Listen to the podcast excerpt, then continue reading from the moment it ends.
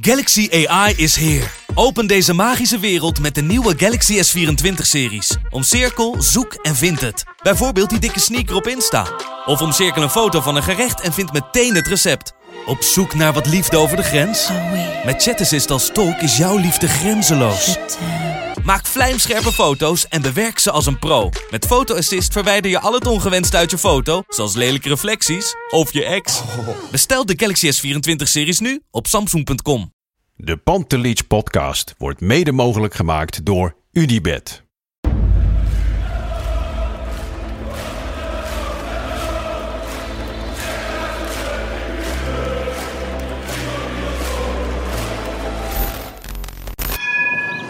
Me, they can have just lot of goals, lot of fun, and some some other things.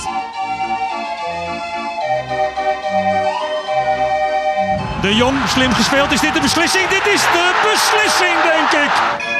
En de kleine Nouri mag het doen. En hij doet het.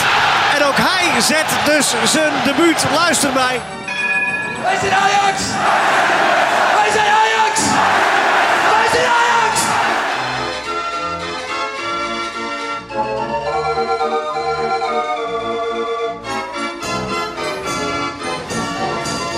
Vrijdag 4 februari en normaliter eh, verwacht je dan een Pantelic toekomstvideo met Kevin eh, en ikzelf. Maar vandaag kiezen we voor een podcast met een eh, speciale gast. Marciano Vink, welkom. Dankjewel.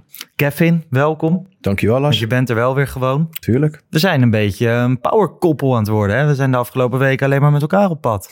Moet niet te gek worden, zei mevrouw al van de Nee. week. Nee, dat begrijp ik wel. Ze is bang eh, je kwijtraken. Ze begint me ook steeds meer in de gaten te houden. Eerst ging ze me volgen op Twitter en nu ook op Instagram. Dus ze haalt me een beetje in de smiezen Ja. dat ik er niet... eh, Laten we het maar gooien op de doen. hormonen van een zwangere vrouw. Precies, precies. Nou ja, vandaag dus een, eh, een podcast. Marciano, we kennen je van ESPN, oudspeler van Ajax, maar ook van Genoa, PSV, ADO en Ajax Cape Town. Hij is Cape Dus Town, ze zeker. Afgewerkt. Twee interlands. Bij Ajax één keer kampioen, één keer bekerwinnaar, één keer UEFA Cup. Ja. Mooie erenlijst. ja, volgens mij wel. En dan eh, bij PSV ook nog een aantal. eh, dus wat dat betreft eh, bij beide clubs toch mijn verdiensten gehad. Ja, Ehm, ja, weet je, uiteindelijk ehm, in die periode Ajax PSV waren wel echt de twee ploegen die de dienst uitmaakten. En ja, nou ja, wat een paar jaar later gebeurde was natuurlijk ongelooflijk met die Champions League eh, die ze wonnen. Maar ehm, ja, Ajax en PSV stonden echt wel ver boven de rest.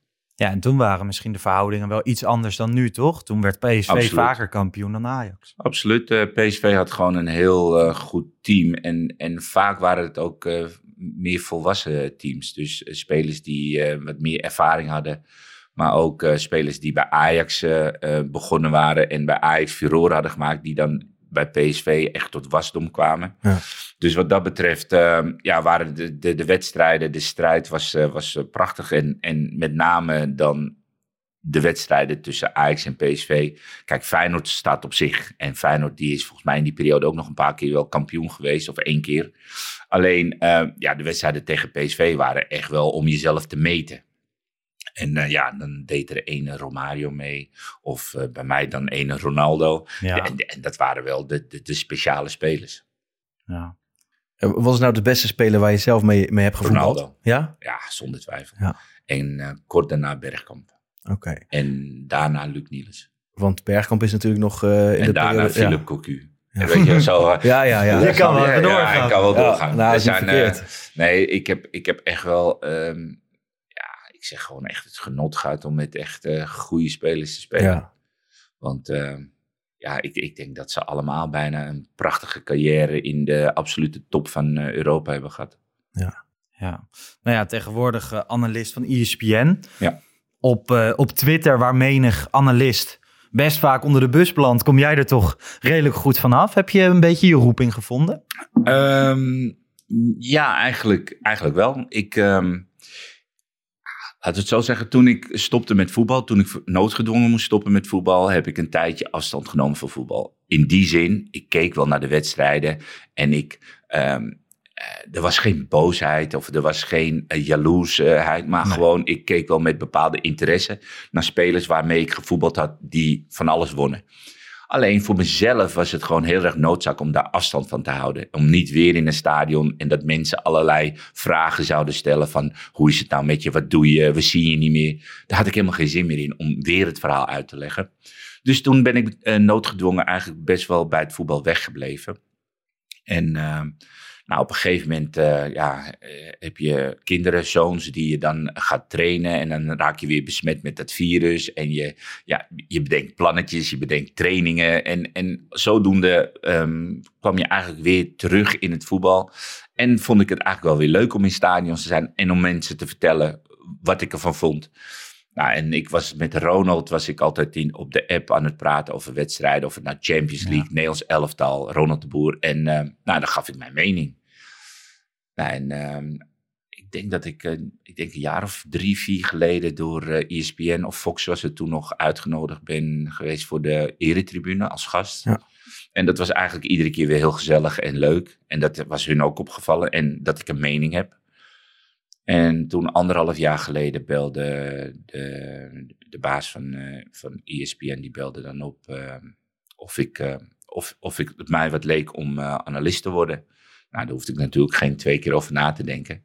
En zo is het een beetje begonnen. Dus anderhalf jaar geleden ben ik ehm, eigenlijk op tv dan mijn mening gaan verkondigen ja. over Ajax, het, Nederlands elftal, de eredivisie eigenlijk over alles wat beweegt met een bal. Ja.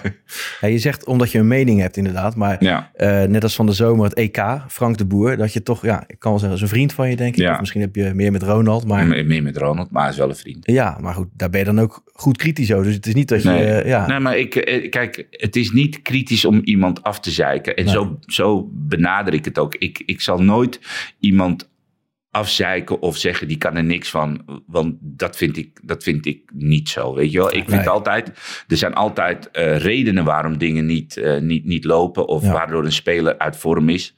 Nou, om een klein voorbeeldje te geven, Gravenberg die had dit seizoen een aantal wedstrijden, een periode dat men zelfs eh, ja, heel kritisch naar hem, naar hem keek. En dat men zich afvroeg, moet hij niet op de bank komen te zitten? Moet hij Ja. niet een andere speler?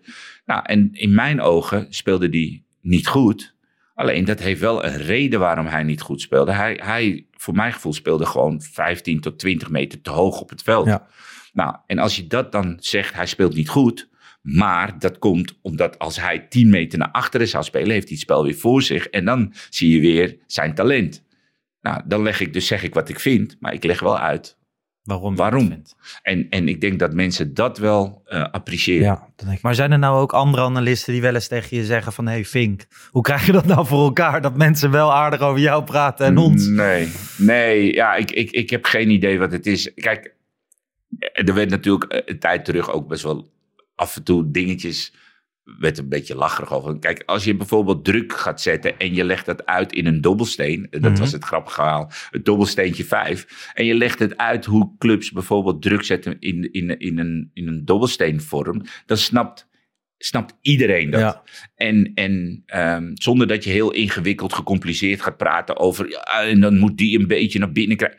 Gewoon heel duidelijk uitleggen. En ik denk dat daar mijn kracht ligt. Dat ik vrij duidelijk dingen uitleg. Zoals ik het in mijn hoofd heb, zeg ik het ook gewoon. Ik ga er niet in bocht omheen wringen. Is dat, ehm, we gaan het zo meteen nog over de jeugd van Ajax hebben. En je hebt onder andere ook een voetbalschool gehad. Ja. Maar omdat je een voetbalschool hebt gehad, waar Ja. kinderen komen, daar moet je dingen heel duidelijk uitleggen. Absoluut. Behandel jij een kijker iets meer Nee. als... Nee, ik behandel een kijker zoals ik eh, zelf eh, voetbal. Dus eh, ik, het is niet dat ik het vereenvoudig of dat ik. Maar ik heb jongens getraind van eh 16 jaar, 17 jaar. En ik heb met kinderen van vier op mijn knie gezeten om uit te leggen wat ik voor oefening ik bedoel of wat Ja. ik wil zien.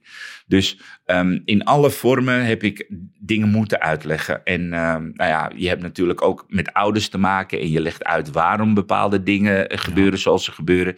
Dus, en je hebt ook met ouders te maken die helemaal niks met voetbal hebben. En die zijn gewoon heel enthousiaste ouder. En hun kind kan toevallig heel goed voetballen. Dus je probeert op alle vlakken probeer je dingen gewoon goed uit te leggen.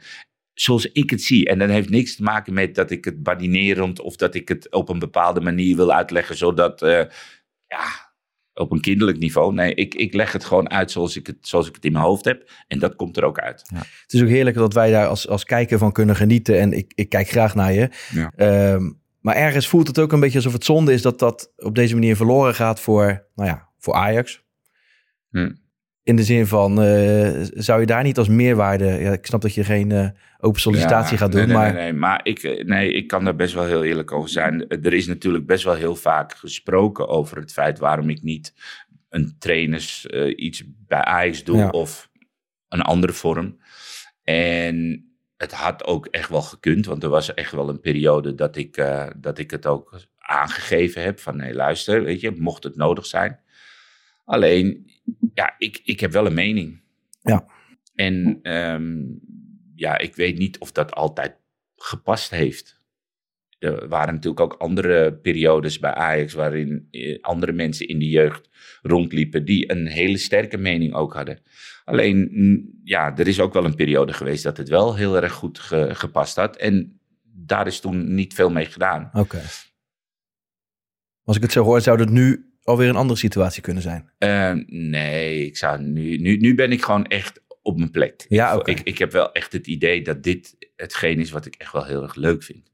En ehm, ja, voor mijn gevoel, en dat zeg ik ook wel vaker, op zo'n veld staan of in een studio eh, vertellen wat je gezien hebt of wat je vindt, dat vind ik fantastisch. En helemaal in zo'n stadion, weet je, straks met publiek weer. Ja. Ja, ik vind dat wel heel, wel heel cool. Het, het komt een heel klein beetje heel dicht bij wat je ooit zelf als voetballer meemaakte. Als je zo die arena binnenkomt of Ja. eh, de kuip binnenkomt. En dat gevoel gaat nooit weg. Dus als jij ooit als tegenstander of als thuisspelende speler het stadion binnenkwam.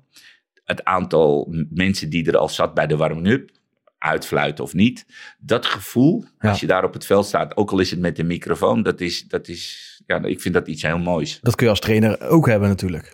Ja, maar dan moet je wel absoluut die wil hebben om hoofdtrainer te worden en ehm, van, van een profclub dan, Ja, daar heb je het dan over. Dan moet je echt wel die wil hebben. En dan moet je al heel erg vroeg dingen opzij zetten voor die droom.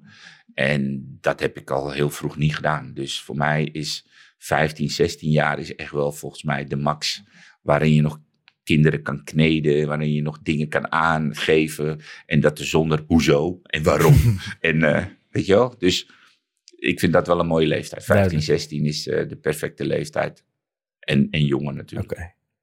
Nou ja, het begon natuurlijk wel allemaal bij eh, ons aller Ajax in Amsterdam. Ja. Ehm, wat is eigenlijk je mooiste herinnering aan je jeugdjaren bij Ajax? Want je hebt eh, samen gespeeld met Roy, de Boertjes, Kreek, Ehm, Witsche. Ik denk ehm, allereerst natuurlijk ehm, gescout worden via het Amsterdamse elftal. Dat bestond toen nog bij Riekerhaven. Dat is nu inmiddels bebouwd terrein. Eh, Daar wonen inmiddels mensen. Maar dat was echt in Amsterdam. Riekerhaven was een ehm, ja, mekka van het talent wat daar kwam. En dan had je Jannie van der Veen en je had Herman Borman. Die stonden langs de lijn te kijken naar alle talent wat daar. De jongens van Ajax kwamen.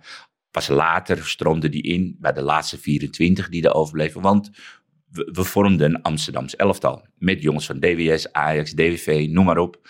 En ADE, want ik, ik speelde bij een klein clubje in Weesp.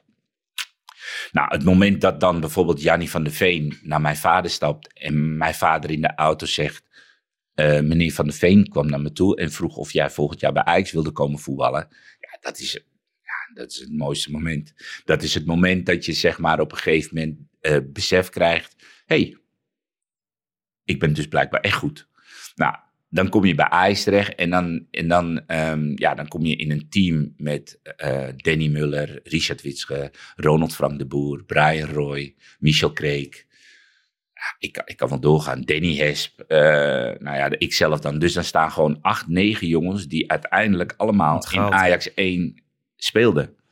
Nou, dat, dat, ik kan me niet herinneren, behalve Barcelona misschien Ja. in, de, in de hele goede tijd, dat er acht, negen jongens Maar vanuit één team in Ajax 1 terecht heeft dat... Ja, het, is, het zijn natuurlijk allemaal buitengewoon talentvolle spelers geweest. Maar heeft dat denk ik ook te maken dat in die periode had Ajax ook gewoon niet zoveel geld, hè? Nee, dat, daar heeft het allemaal mee te maken. Ja. Ajax was nagenoeg failliet. Ja. Er zaten, voordat wij eh, doorbraken, zaten er 8.000, 9.000 mensen in de meer. Ja. Nou, er zag, je, zag, je zag gewoon lege plekken. Onvoorstelbaar eigenlijk. Hè? Dat kun je nu niet voorstellen, Nee. maar er zaten gewoon 8 tot 9000 mensen op een zondagmiddag, half drie. En dan was de helft was, Ja. eh, geglipt over, over de... Ja, ja, dus Ajax Ja. was eigenlijk nagenoeg failliet, totdat Bergkamp en Jong verkocht werden aan Inter. Ja. En eh, ja, er wat meer kon. En toen kwamen ja, toen ging ik ook weg. Ja. En toen kwamen dus zeg maar de Finidis, de eh Rijkaard kwam. Ja. dus toen werd er eigenlijk het elftal van 94, 95 werd toen gesmeed. Ja. In die zin misschien een zegen geweest juist, dat het op deze Nou manier ja, is gegaan. voor ons natuurlijk een zegen. Ja. Wij, wij voetbalden allemaal onder een jeugdcontract. En ik durf dat bijna niet eens te zeggen hoeveel het was in euro's. Daar koop je volgens mij bij de McDonald's nog niet eens een Happy Meal voor. Maar goed, wij voetbalden natuurlijk allemaal voor een jeugdcontract. En ehm, ja, naarmate je dus je debuut maakte en je meer gezien werd. Kijk, wij hadden natuurlijk ook het geluk dat we met het... eh, het tweede elftal toen heel ver in de beker kwamen. Dat wij eigenlijk door Ajax 1 overgenomen werden. En die gingen de volgende ronde eruit. Waarbij wij allemaal met zo'n gezicht rondliepen. Maar wij hebben natuurlijk best wel geleidelijk via Ajax 2, A1. En we waren, toen we het debuut maakten, waren we allemaal 17. Ja. Nou, dan had je nog Clarence Seedorf iets later, die was 16. Tja. Nou, kan jij je nu voorstellen dat een 16-jarige speler nu in Ajax 1 zijn debuut maakt? Gaat nooit meer gebeuren, kan Nou ik je ja, nu vertellen. Gravenberg was natuurlijk nog, is nog niet zo lang geleden. Maar Is niet zo lang geleden, Gravenberg. Alleen ehm, ehm, uitzonderlijk talent. ja, En eh, ook het geluk, denk ik, dat voor hem Frenkie de Jong eh, op tijd wegging. En hij Ja. het DNA had om exact die positie zo in te vullen zoals eh, Ajax op dat moment voetbalde. Ja. Nu is het een andere positie, hè, meer vooruit. Maar het klopte. Hij was op het juiste moment. En dat is ook het dosis geluk en het Ja. geluksvak. Hij was op het juiste moment, op de juiste plek, met de juiste trainer. ja, precies. Ja. Zijn dat eh, die jeugdjaren waar we het over hebben? Zijn dat stiekem de mooiste jaren met z'n allen naar buitenlandse toernooien? Het horen de mooiste jaren te zijn. En ik denk dat ehm, het eh, nu allemaal wel een beetje verhard is. Kijk, heel simpel gezegd, bij ons na de wedstrijd stond er een chocomelletje en een broodje kroket of een broodje frikandel stond er klaar. En niemand die daar moeilijk over deed. Weet je, in de kantine kon je dat ook nog allemaal krijgen. Ja. Dus wij eh, werden ook, zeg maar, eh, zijn opgeleid met Simon. En Simon, eh, dat was de fysio. En er was één fysio en hij was volgens mij 1,30 meter hoog. En hij deed alles met acupressuur. Nou, dan zat je in de, a- in de bus en had er eentje achter in hoofdpijn. Dan ging hij met zijn lampje en je, aan je oor trekken. En dat werkte ook. En dat bleek dus Ja? ook te werken. Ja, en serieus. Dus die man, die, ehm, ja, het, het was allemaal romantischer. En het is nu, denk ik, eh, de, de- ja, de enige buitenlandse speler, denk ik, die in de nou ja, jeugd, tweede helft, daar kan je niet eens meer jeugd op noemen. Nee. Maar, noemen, maar ja, die, die kwam je tegen pas in het tweede. En het waren spelers die bij het eerste, zoals Alistair Dick, niet in aanmerking kwamen. Maar die dan in het tweede speelden. Dus dat was de eerste keer dat je met een buitenlandse speler, Jan Mulby of dat soort. Ja. Dus het was allemaal ons kent ons, romantisch, allemaal met elkaar opgegroeid. Eh, ehm, ja, de, de, de, de trainers eh, waren een soort halve vaders. Dus het, wa- het was een andere tijd. Ja, tegenwoordig beginnen ze bij Ajax bij eh, onder de acht, geloof ik. Ja. Ehm, en vanaf dat, dat moment lijken ze een beetje in zo'n keurslijf te gaan. En inderdaad jaar voor jaar overleven. Iedereen kent de documentaire, daar horen ze engelen zingen. Daar Dat is wel een beetje achterhaald. Ja, dat is achterhaald. Ja, maar ja. gewoon die, die beelden kent iedereen. Nu inmiddels zal het wel weer wat menselijker zijn. Maar qua voeding en zo, wat jij vertelt, is gewoon ook hoe ik bij de amateurvereniging Ja. speelde. Bij de plaatselijke Wij amateurvereniging. speelden ook tegen amateurs. Hè? Dus we speelden... je speelde nog helemaal niet landelijk. Nee, we speelden regionaal. En dan speelde je dus tegen. DWS, tegen DWV. En ehm, nou ja, eh, dan had bijvoorbeeld... ehm, eh, hoe heet het ook weer? Eh, daar bij, de, bij, eh, de, ehm, bij het Olympisch Stadion, Swift. Ja. Swift had in één keer de goede lichting. Dan speelde je in één keer tegen Swift. En ja, de competitie was no- 7-0-1, 6-0-1. Weet je wel? Dus het was allemaal regionaal. Op het moment dat je kampioen werd, dan ging je een ronde verder. En dan speelde je weer een hal. En dan uiteindelijk kwam je of PSV tegen of Feyenoord tegen. Dus je speelde wel om het kampioenschap. Maar je speelde wel tegen je leeftijdgenoten toen nog. Ja, altijd. Maar Omdat volgens mij later zijn ze eh, bijvoorbeeld de C1 tegen de, tegen de B1 gaan zetten van Nee, oké. nee, wat, ze bij, wat ze bij ons deden was dat wij speelden, en, en dat is dus ook zoiets, dat is ook veranderd. Wij speelden gewoon drieënhalve wedstrijd in de week. Ja, En dat deden we helemaal niet moeilijk over, want je speelde met de B1 om 10 uur. Dan sloot je aan bij de A1. Op zondag speelde je bij de A2. En Ja. als je nog een beetje geluk had, mocht je op dinsdag met de tweede. Dus wij speelden gewoon vier wedstrijden, of drieënhalf, of drie wedstrijden. Het, het, het- je, weet, Ja. je kon ook zomaar één wedstrijd in de week spelen. Alleen, eh, er werd zo geschoven met spelers dat ik was 15, toen speelde ik in de tweede. Ja. Omdat Johan Cruijff vond dat ik meer weerstand moest hebben. Nou, daar bleek dus AZ uit, Alkmaar de Hout.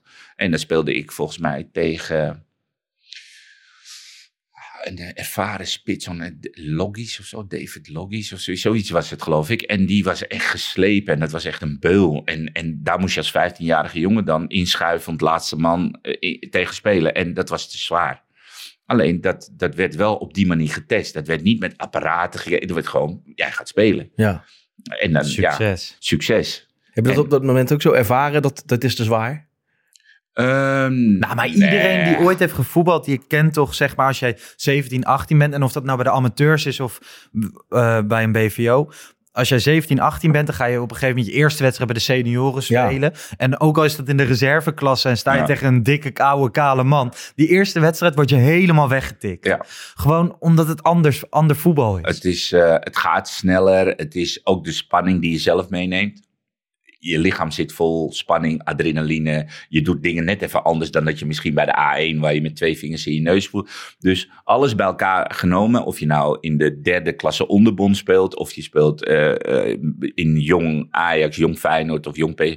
Het, het, het, het is anders. Omdat, eh, kijk, daarom zie je ook dat spelers, sommige spelers die 50 wedstrijden in de eredivisie hebben gespeeld, worden opgeroepen voor het Nederlands elftal, krijgen na v- 60 minuten kramp. Ja.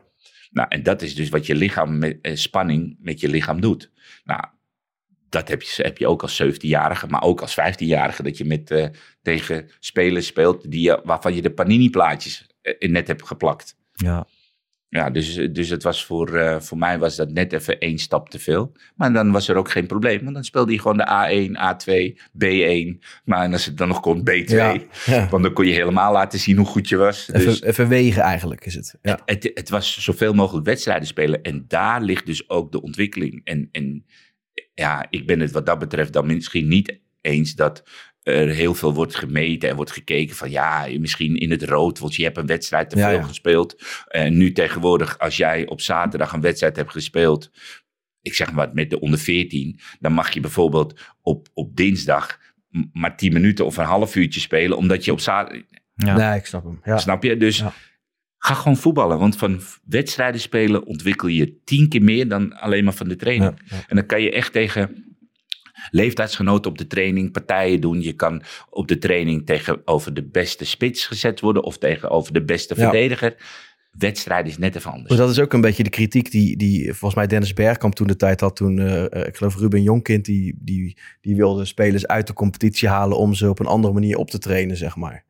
En hij had het als argument van nee, er moet eh, gespeeld worden. Het kan nooit de bedoeling zijn dat je, dat je eh, spelers eh, niet meer laat Dat- voetballen, Ja, zeg dat maar. weet ik niet. Maar ik ben het wel ermee eens dat je... Je moet gewoon wedstrijden spelen. Van wedstrijden word je echt beter. Oké, ja. En, en daar ligt voor mij ehm, in het ontwikkelen gewoon een hele belangrijke stap. Ja. Maar het is nu ook wel anders, zeg maar. Als, je, als ik jou hoor vertellen, dan deed je met Ajax 2 mee. En dan moest je de volgende dag bijvoorbeeld met de B2 mee. En dan dacht Ja. jij van, oh, leuk. Leuk. Heb ik zin in, wedstrijd Ja. spelen. Nu, tegenwoordig, als een jongen bij Jong Ajax speelt... en dan moet hij de volgende week weer mee bij onder de 18, ik zeg maar. Dan wordt dat ook door de buitenwacht, maar waarschijnlijk daardoor ook meer door hemzelf... toch weer gezien als een teleurstelling, omdat het een stapje terug Ja, is. Nou, en dat is dus ook het hele social media gebeuren. En dat is dus ook wat, eh, de, de image die er gebouwd wordt. Jongens hebben tegenwoordig op 15-jarige leeftijd de zaakwaarnemer. Nou, en als jij dan ehm, een bepaalde status hebt binnen een opleiding... of je bent een bepaalde speler... ja, dan wil je eigenlijk in één sneltrein vaak Ja. wil je door Je wil alleen naar maar boven. vooruit. Terwijl het is, en daar hadden wij het eerder over, het is soms gewoon heel goed als speler. Stel je, bent, je speelt in de onder 15, is het heel goed om met de onder 16 mee te doen, hè, voor die weerstand. Ja. En dan krijg je misschien maar vier ballen per helft.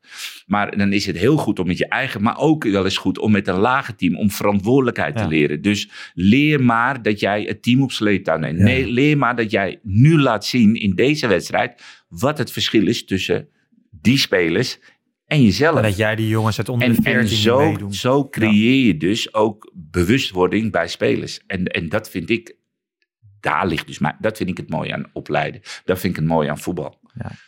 Nou ja, ehm, we, Je hebt natuurlijk een zoon die in uh, de Ajax jeugdopleiding speelt. We hebben afgesproken van daar gaan we het niet specifiek over hebben. Ja, zal ik uitleggen waarom ik het niet daarover wil hebben? Ja? Omdat, kijk, um, ik heb hem eigenlijk vanaf zijn, ik denk het moment dat hij ging voetballen tot zijn elfde, dat hij gescout werd, getraind. En op de voetbalschool ook nog, waar we misschien later op de voetbalschool ook nog getraind. Uiteindelijk is het zo dat hij het allemaal zelf moet doen. En hij is een individu die hard werkt en um, zich ontwikkelt. Positief, negatief, weet je, het gaat met ups en downs. En dan kan jij als jeugdspeler daar geen, eh, en nu is het maar eigenlijk zo, maar ook niet over jongens die binnen de Ajax-opleiding lopen, die ik ook getraind heb. Want er lopen er binnen BVO's lopen er 24 of 28 spelers die ik bij een club getraind heb, of individueel, of bij mijn voetbalschool. Dus al die spelers, die ken ik heel goed. En ik weet positief, negatief, ik weet ouders, alles, alles weet ik. Alleen, ik praat niet over spelers en ik praat al helemaal niet over mijn zoon, omdat dat dingen bemoeilijkt. Maar ook, um, het is zijn traject, zijn um, uh, uh, weg. En ik benader het ook een beetje zoals mijn ouders het hebben. Weet je, die stonden aan de zijkant en doe het maar, weet je. En mocht je het nodig hebben, tuurlijk praten we individueel. Maar hij moet het zelf doen. En dat is de reden waarom ik nooit, ook bij ESPN niet, nooit over uh, jeugdvoetbal of over mijn zoon praat. Nou ja, vice versa heeft Kevin wel even aan hem gevraagd van wat moeten we eigenlijk aan je pa vragen? Wat oh, vindt hij leuk? Oké. Okay. van wie, wie was jouw beste jeugdtrainer? Oei. Um, ja, ik heb toevallig voor, um, ik denk Ajax Magazine, heb ik laatst, of Ajax Live, live, ja. Ajax Live. heb ik een uh, interview gegeven over een teamfoto die er was en dan ging het over trainers. Ja. Nou, en ik heb echt best wel wat jeugdtrainers gehad, omdat je in zoveel verschillende ja. teams speelde. Uh, mijn beste. Nou, laat ik het zo zeggen dat um, als je over mentaliteit praat, hè, wat Kijk, het grappige is, nu is er best wel heel veel aandacht voor het mentale gedeelte. Ja. Hè? Dus uh, dat voetballers mentale problemen uh, tegenaan lopen. En, en uh, nu zijn er zelfs twee voetballers die een soort organisatie zijn gestart om voetballers te helpen of andere sporters. Alleen um, in de jeugd ja, word je fysiek getraind, je wordt tactisch getraind, technisch getraind. Alleen het hele mentale gedeelte ja, dat, dat is eigenlijk een ondergeschoven kind. En dat is, zoek het zelf uit. Ja, ben je er mentaal klaar voor? Want naarmate je dichter bij het eerste komt, dan is in één keer mentaal heel, ja, is je mentaal sterk genoeg. Terwijl daarvoor is het eigenlijk nooit getraind. Nou, als je dan um, in mijn jeugd kijkt, dan hadden wij één trainer en dat was Dirk de Groot. En die was echt spijkerhard, maar ja, misschien oneerbiedig. Tactisch niet het, de, de, de, grootste, want daar had je Tony Bruinslot en die waren gewoon daarin veel verder. Alleen mentaliteit, wil om te winnen, doorzetten, niet zeuren. Uh, luister je niet, kom je zitten. Uh, doe je de dingen niet zoals je ze zou moeten doen of zoals ze afgesproken had, kom je zitten. Een andere die jouw plek in kan nemen. Vanuit dat oogpunt leerde je altijd, op het moment dat het fluitje ging, stond je aan. Want als je niet aanstond, keek je de tien minuten aan en dan zei hij, kom maar. En dan zet hij een andere erin. En dan kon het je één keer gebeuren. Maar het gebeurde echt never, never, ja. never nooit een tweede keer. En dat heb je altijd meegenomen? Dat heb ik altijd meegenomen. En, uh, maar was je je daar de, zou, bewust van? Ik zou, nee, ik zou je een voorbeeld geven. Ik heb uh, bijvoorbeeld in mijn uh, jeugdtrainerschap... heb ik op een gegeven moment een, nou, niet een strijd gehad met een jeugd. Maar praten we over de onder 11. 9 tegen 9 op drie kwart veld. En er was een speler, en die speelt nu zelfs bij Ajax. En er was een speler die... Um, die um, um, nou, kauwgom in zijn mond. Uh, nou, dat vind ik al niks, maar goed, kauwgom in zijn mond. Um, en die um, begon in de wissel. En ik uh, zet hem erin. Maar hij, de rest was aan het bikkelen. Het was een bekerwedstrijd. De rest was echt aan het bikkelen, goed aan het. En hij, uit de toon, helemaal niks. Toen heb ik hem eruit gehaald. Ik zeg, kom maar, zitten.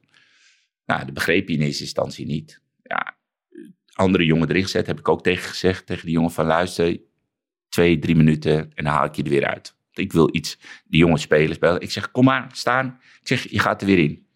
Weer niet. Wat is een spits? Weer niet. Dus ik zeg, nou, ik zeg, kom maar, kom maar weer.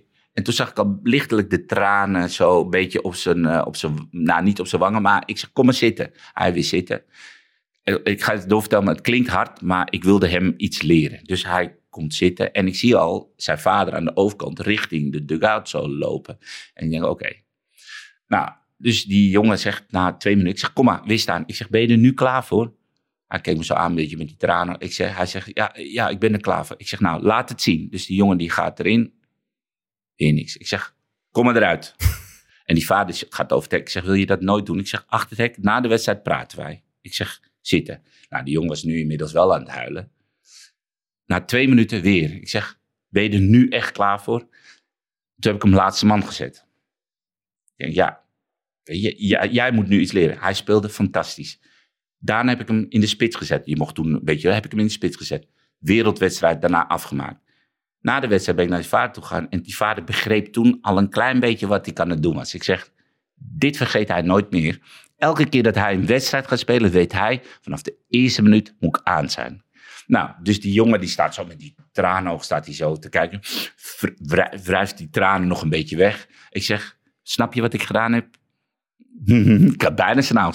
Hij zegt, ja trainer, ik snap het.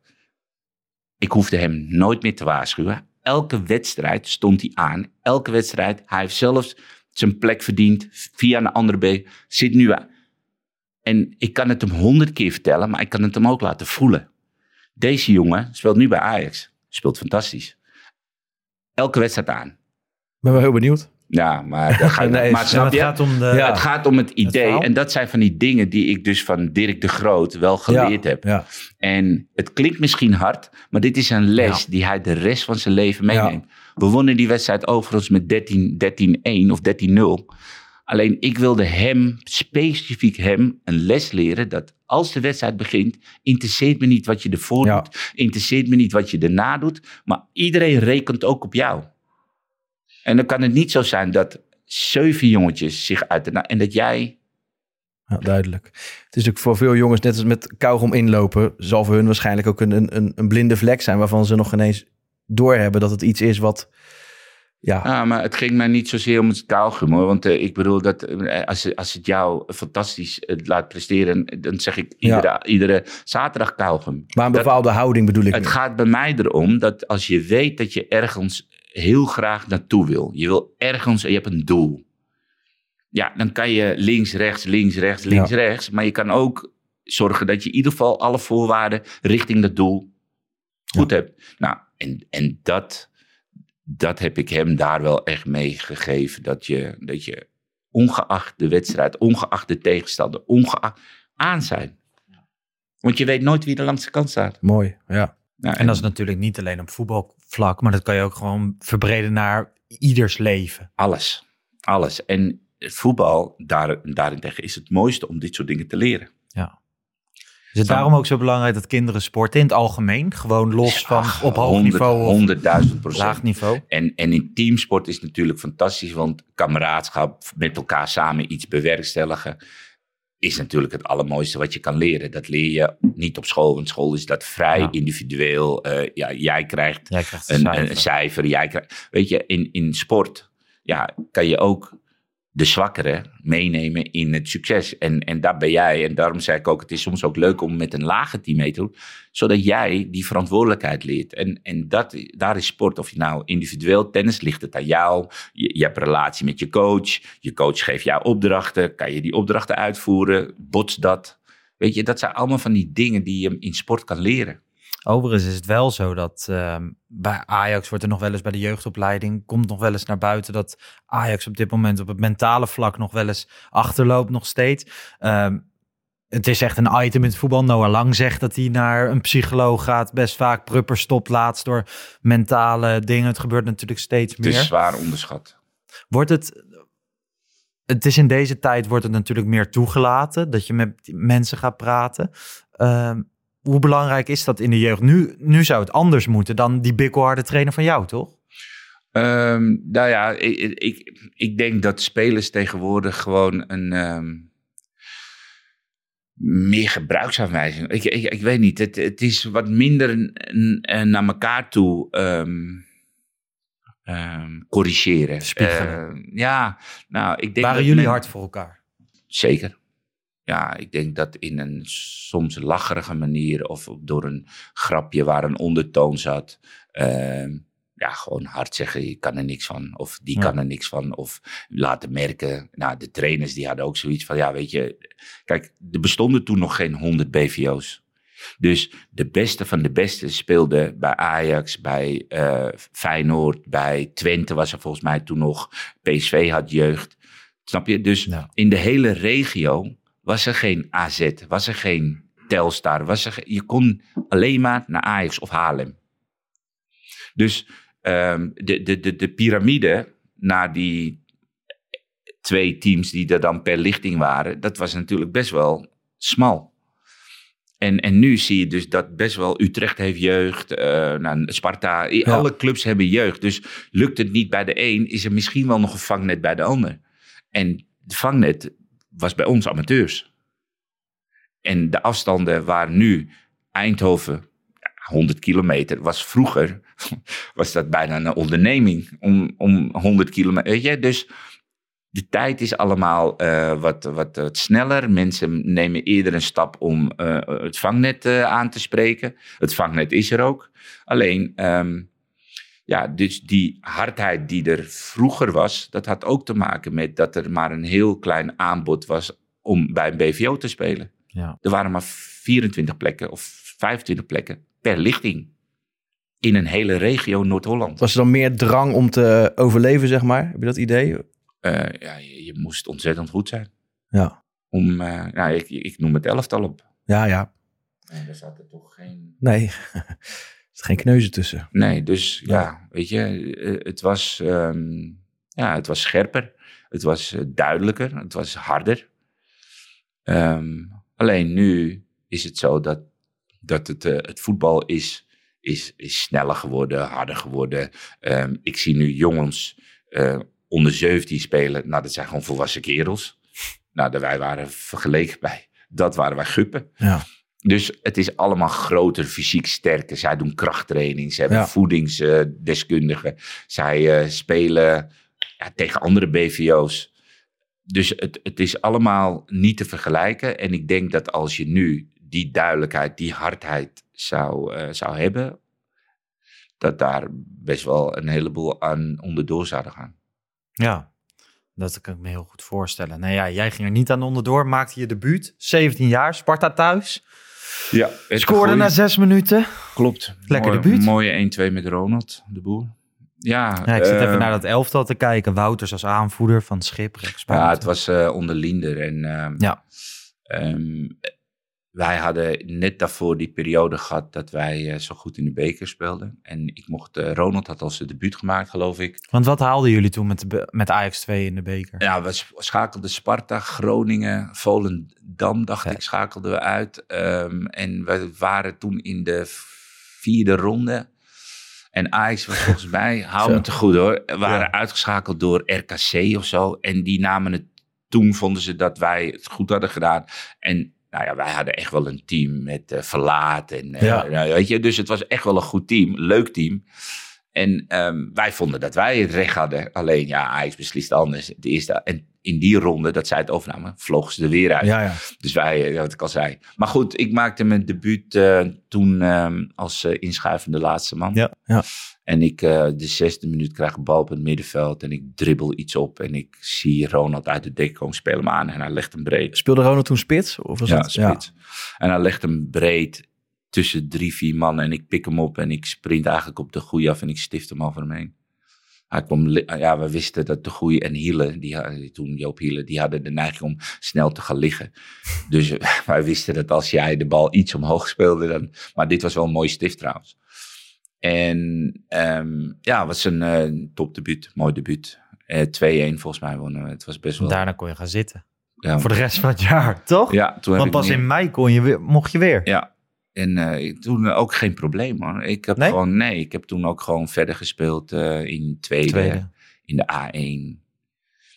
Ja. Dat, was, dat was echt geen probleem. De A1 was net zo sterk als, als tweede. En weet je, het was, het maakte niet uit, want je, je kwam in de kleedkamer en je wist eigenlijk niet wie er, wie er allemaal in de kleedkamer zouden zitten. Maar jij bent ook in die tijd al behoorlijk vergeleken met Rijkaard. Net zoals zoveel spelers daarna nog. Maar Ja, heb je daar nog last van Als je ondervonden een ooit? bepaalde tred hebt en je hebt een lange pas en je bent lang, je speelt op middenveld ja. en je bent een vier, dan Ja, word je vergeleken Rijkaard. met Rijkaard. Maar heb je daar nog, nog druk van ondervonden toen de tijd of eh, totaal niet? Nee, toen ik in Italië kwam, kijk, Rijkaard was natuurlijk wel een echt Begrip. begrip. En toen werd er wel vergeleken met Rijkaard. En ja, als je dan daar niet aan voldoet. Of, kijk, ik heb in Italië gespeeld in een periode dat er maar drie buitenlanders mochten spelen. Ja, ja, ja. Per, per, per, per wedstrijd. Dus, en wij hadden er vijf. En het waren alle vijf internationals. Dus ja, de kans dat je niet speelde was natuurlijk ook wel groot. En als er op jouw positie net een Italiaan was die het ook goed deed. Ja, dan was het eigenlijk afstrepen voor de coach. Van ja, wie ga ik laten? Nou, lang verhaal. Maar in ieder geval, daar werd Ja. ik dan wel vergeleken. En ja, die vergelijking gaat best wel in, in positie en in misschien manier van spelen best wel eh, gelijk op. Alleen in een heleboel andere facetten is, is Rijkaard een totaal eh, andere speler en ook een grootheid. Ja. Ja. Ja, absolute grootheid. Eh, Ik, ik vind zelfs nog een beetje onderschat zelfs. Ja, Hoe ik, heb, groot hij... eh, ik ben opgegroeid toen, nou ja, ik heb jou vooral eh, kende ik als speler van PSV. Ja. Eh, daarvoor eh, zit niet in mijn actieve herinnering. dus je hebt de echte leuke mooie wedstrijden in de meer en dingen heb jij niet meegemaakt. Nou, niet, ja, van 4,95, dat is wel een beetje mijn eerste actieve herinnering. Ik kan me wel Patterson nog vaag herinneren, dat ik dat een, een Och, goede speler vond. Man, man, man, man, man. Dat was de Maar- ultieme spits. Ja, alleen, maar luister, ultieme spits in, in, in de combinatie, in opofferen, in, in het, ehm, het eh, van, Oh, vanuit kunnen spelen. Weet je. Ehm, hij scoorde niet heel veel. Ja. Alleen het was wel, ja, hij is niet voor niet zo geliefd in Ja. Amsterdam. Het was wel de spits, zoals bijvoorbeeld voor een heleboel spitsen daarna aan werd gespiegeld hoe je in de combinatie mee moest kunnen voetballen. Ja. Kijk, als wij nu Haller bekritiseren, dan bekritiseren we hem eigenlijk omdat wij weten hoe een Ajax-spits Ja. in de combinatie zou kunnen en moeten spelen. Ja. Nou ja, we hebben het best vaak erover van wat is een Ajax-spits. Maar jij zegt eigenlijk van Patterson aan die tijd, dat is een beetje de definitie van een Ajax-spits. Je Nou, niet in die scoren, tijd dus. gecombineerd met eh, de doelgerichtheid van een van, een van Basten, eh, Kluivert. Die is eh, perfect. dus dan praat je over de ultieme spitsenmachine. Ja. Weet je, maar het, het voetbalgedeelte, het kunnen combinatie, het stilistische van Van Basten, het, het, het- de schoonheid van Van Basten, het doelgerichtheid van Kluivert, de, de, de gretigheid van Suarez. De, weet je, als je dat allemaal in één kan proppen, dan heb je de ideale spits. Maar over het meevoetballen en het gecombineerd en ruimte maken voor Bergkamp, Ja. ach, En- is er eentje. Zou, een- zou een Bobby naar zoiets to- toe kunnen groeien in de toekomst? Qua Qua, meevoetballen, nou ja, ik vind hem vrij compleet. In de, in, in zijn, qua talent vind ik hem vrij compleet. Hij is, hij is redelijk balvast, hij is sterk, hij is snel. Ja, maar dat heeft hij wel echt de afgelopen periode. Kijk, over wedstrijden spelen ge- Ja. gesproken. Kijk, wij hebben Brobby in, in, eh, in Jong Ajax zien spelen. Denk ik, toch? Jij ook? Nou, hebben we hem best wel vaak zien spelen. En daar was het een ongepolijste eh, Ja. eh, spits. Eh, sterk. kwam heel vaak door zijn kracht kwam hij uit situaties. In de 1 tegen 1 wist je niet 100% of het een goal zou worden of dat die bal bij Nee. de cornervlag zou eindigen. Maar die, daar, daar vind ik dat hij nog steeds in zou kunnen groeien. Maar- oké. Hij in de, in, de, in de 16 heel gevaarlijk. En hij heeft wedstrijden gehad waar hij zes kansen, twee goals en vier waarvan je dacht, nou die vier hadden eigenlijk er eerder ingemoeten dan die Ja. twee goals die je maakt. Ik denk dat hij, eh, mede doordat hij met het eerste elftal is mee gaan trainen op een gegeven moment, mede doordat hij het geluk heeft gehad dat hij succesvol in de invalbeurten was. Want je kan ook invallen en er gebeurt niks. Je kan ook invallen bij een 2-1 voorsprong dat je niet de 3-1 maakt. Hij had het geluk dat hij op de juiste moment, juiste plek, op, in periodes inviel dat de tegenstander iets moest. Het veld wat opener was. En hij scoorde. Dat is zijn kwaliteit. Alleen op een gegeven moment eh, ja, was hij een soort de ideale tweede spits in de Champions League. Invallen en belangrijk kunnen zijn. Nou, en dan maakt hij de beslissing om naar, ehm, naar eh, Red Bull te gaan, Ja. naar Leipzig. Waar hij misschien onbewust extra concurrentie kreeg. Want er werd nog wat extra bijgekocht. En de situatie veranderde voor hem. Maar hij heeft het geluk gehad dat hij die wedstrijden kon spelen. Dat er bij Ajax een bepaald gevoel over hem is overbleven. Als hij alleen in Jong had gespeeld. Dan was, had Ajax echt niet zoveel moeite gedaan om hem terug te halen. Maar hij heeft in die zes, zeven wedstrijden dat hij inviel. Heeft hij zo'n indruk achtergelaten. Dat Ja. men in één keer dacht. Goh, misschien is dit wel meer dan een tweede spits. Maar dat heeft hij wel zelf gecreëerd uiteindelijk. Dat heeft hij, Plus, dat heeft hij ja. zelf gecreëerd. En het geluk gehad Ja. dat die mogelijkheid zich voordeed. Ja, oké. ja. Nou, en hij komt terug en het lijkt wel alsof hij nog sterker is geworden. Alsof hij nog beter de bal kan, bij zich kan houden. Want tegen Utrecht werd hij een paar keer Ja. Nou, geloof me, bij jong Ajax waren die ballen weggesprongen. En nu Ja. hield hij ze vast. Men kon vanuit hem een beetje doorvoetballen. Nou, ik vond dat hij dat altijd al wel heeft. Maar ik volg hem ook al, al lang eh, vrij nadrukkelijk vanuit de Ja, jeugd. jij Mijn de twijfel. machinist van de Brobby fan. Nou ja, misschien ben ik dan niet helemaal objectief. Alleen de enige eh, eh, twijfel waar ik bij hem, eh, die ik bij hem had, zeg maar in de jeugd, is dat van ja, hij doet inderdaad veel op kracht. En wat blijft er van hem over als hij tegen volwassen eh, mensen sta- eh, staat? Ja. Eh, en tuurlijk was het in jong Ajax nog wel af en toe wat ongepolijst. Maar ik dacht, nou ja, dat heeft misschien ook wel tijd nodig. Ja, maar als je dat dan bijvoorbeeld vergeleek met Dolberg. Dolberg was, was in jong, in de, in, Ja. in de jeugd, was hij eigenlijk ook wel best Fluweel. wel fluweelachtig. Ja. eh, prachtige acties, mooie aannames. Zeker, zeker. Nou, en, dan, en dan komt hij bij het eerste. Nou, in het begin hebben wij echt... Ik heb op de bank gestaan voor sommige acties Ja. en sommige goals. Ja. Ik kan me nog eentje volgens mij bij Lille volgens mij uit herinneren... dat hij zo'n stiffie heel laag over de ja, keeper... Lyon, denk Oh, ik. Lyon, Ja. was dat. heel laag over de keeper. Ja. dat, dat Nee, was, zonder dat meer. was half. Maar mijn kritiek op Dolberg is ook dat hij 80 minuten eh, uitstaat. En ja. ik vind ook een Ajax-spits, maar dat was moet met zijn rug ook, tegen hè? die verdediging aan Romario kunnen was ook 80 Ja, minuten uit. En 10 minuten was hij dodelijk. Ja. Nou, en, en bij Ajax verwacht men meer van een spits. Men, eh, men verwacht dat hij 90 minuten Ja, eh, eh, ja, aanwezig is, meevoetbalt, eerste paal. Weet je, dus Ja. er wordt zoveel meer verwacht. Alleen, mijn vraag bij Jong was, kan Brobby dat? Heb ik mij echt ja, afgevraagd. ja, ja. En hij heeft het, denk ik, echt het geluk gehad dat die mogelijkheden, mogelijkheden zich voordeden. Dat hij eh, met beide handen heeft aangegrepen, want dat heeft hij zelf gedaan. zelf. Ja. Dat heeft hij zelf gedaan. En dat hij weggegaan is en nu met heel veel liefde teruggehaald is. Want dat is ook belangrijk voor een speler. Want hij had het gevoel toen hij bij Jong speelde... dat hij misschien niet serieus of niet de kans zou krijgen. Want Haller werd gehaald. Ja. Hij gaat weg en hij is nu met alle ega's wordt hij teruggehaald. Dus dan zit je toch anders in zo'n kleedkamer, anders in. En ik denk dat dat ook veel met hem Ja, gedaan dat heeft. ongetwijfeld. Ik heb nog één vraag voordat we misschien eh, verder moeten. Ik weet het niet, eh draaiboek. Ehm, vanuit jouw oude positie, had je dan liever met Brobby of Haller in de spits gespeeld? Dan, re- ja, dan beredeneer ik het een beetje vanuit hoe Blind ook zou kunnen spelen. Dat hij even keihard die spits inspeelt, die dan leunt. Oh. Ehm, tja, ik denk dat het bij Ajax niet zo heel veel uitmaakt. Nee? Nee, ik, kijk, een Ajax-spits krijgt in een jaar, laten we ervan uitgaan dat je vier, vijf kansen per wedstrijd krijgt. Nou, maal 34, competitie. Ja. Dan zit je al rond de 190 kansen, zoiets.